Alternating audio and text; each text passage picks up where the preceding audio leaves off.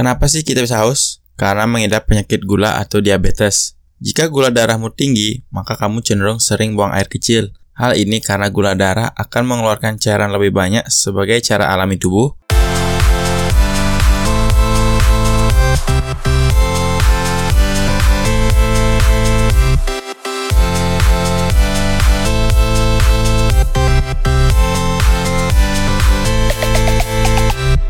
Hey hey hey, ketemu kembali dengan saya Jun di Juragan Minuman. Buat kalian yang pertama kali dengerin podcast ini, Juragan Minuman merupakan podcast yang bakal banyak ngomongin hal seputar minuman dan sharing juga akan kreasi minuman yang paling gampang untuk dibuat dan tentunya nyegerin. Dan itu bisa dicek di YouTube channel Juragan Minuman. So, buat kamu yang suka banget atau pingin tahu hal-hal yang baru, cocok banget buat dengerin podcast ini. Dan buruan subscribe YouTube channel Juragan Minuman biar kalian dapat informasi dan nggak ketinggalan dengan kreasi minumannya. Oh iya, di podcast kali ini saya bakal ngebahas kenapa sih kita bisa haus. Teman-teman semua pasti pernah dong ngerasa haus. Mau muda, mau tua, mau cewek, mau cowok. Tinggal di desa, apalagi di kota yang panas gini. Pasti pernah ngerasain yang namanya haus. Dan kalau sudah haus pasti pingin minum yang nyegerin atau yang dingin-dingin buat ngilangin rasa hausnya. Tapi kalian tahu nggak sebenarnya apa sih penyebab kita bisa haus? Nah, sebelum lanjut, coba DM saya deh di Instagram, di Instagram Juragan Minuman. Saya pengen tahu nih apa jawaban-jawaban dari kalian.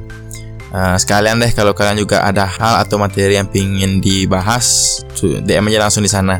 Nanti saya balas deh. Oke, yang pertama, kenapa sih kita bisa haus?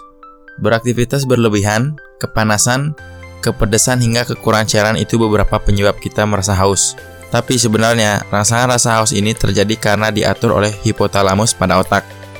Hal ini merupakan mekanisme terpenting untuk menjaga cairan tubuh.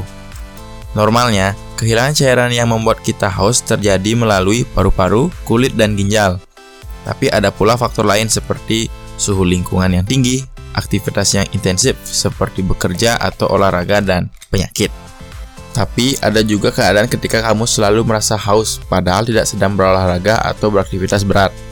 Jika kamu masih merasa haus padahal sudah banyak mengkonsumsi minuman, bisa jadi tubuh kamu itu terlalu banyak mengkonsumsi garam.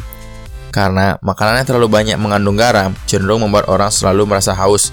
Karena ketika garam yang kamu konsumsi terlalu berlebih, maka kamu akan mudah merasa haus karena darah kekurangan H2O yang fungsinya memperlancar peredaran darah dan cepat rusak kembung karena tubuh mengandung H2O yang sedikit. Terus kemungkinan karena obat. Karena beberapa obat atau vitamin bisa membuat kondisi tenggorokan terasa kering sehingga membuat kita merasa haus. Maka dari itu, jika teman-teman sedang mengkonsumsi obat atau vitamin, ada baiknya selalu mengkonsumsi minuman yang cukup untuk tubuh. Terus kemungkinan karena kamu menderita diabetes. Kenapa? Karena penyakit diabetes merusak kemampuan tubuh untuk memecah dan menyimpan gula jika gula darahmu tinggi, maka kamu cenderung sering buang air kecil.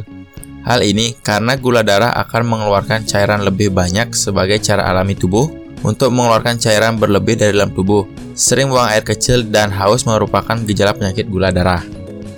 Nah, itu beberapa alasan kenapa kalian bisa haus.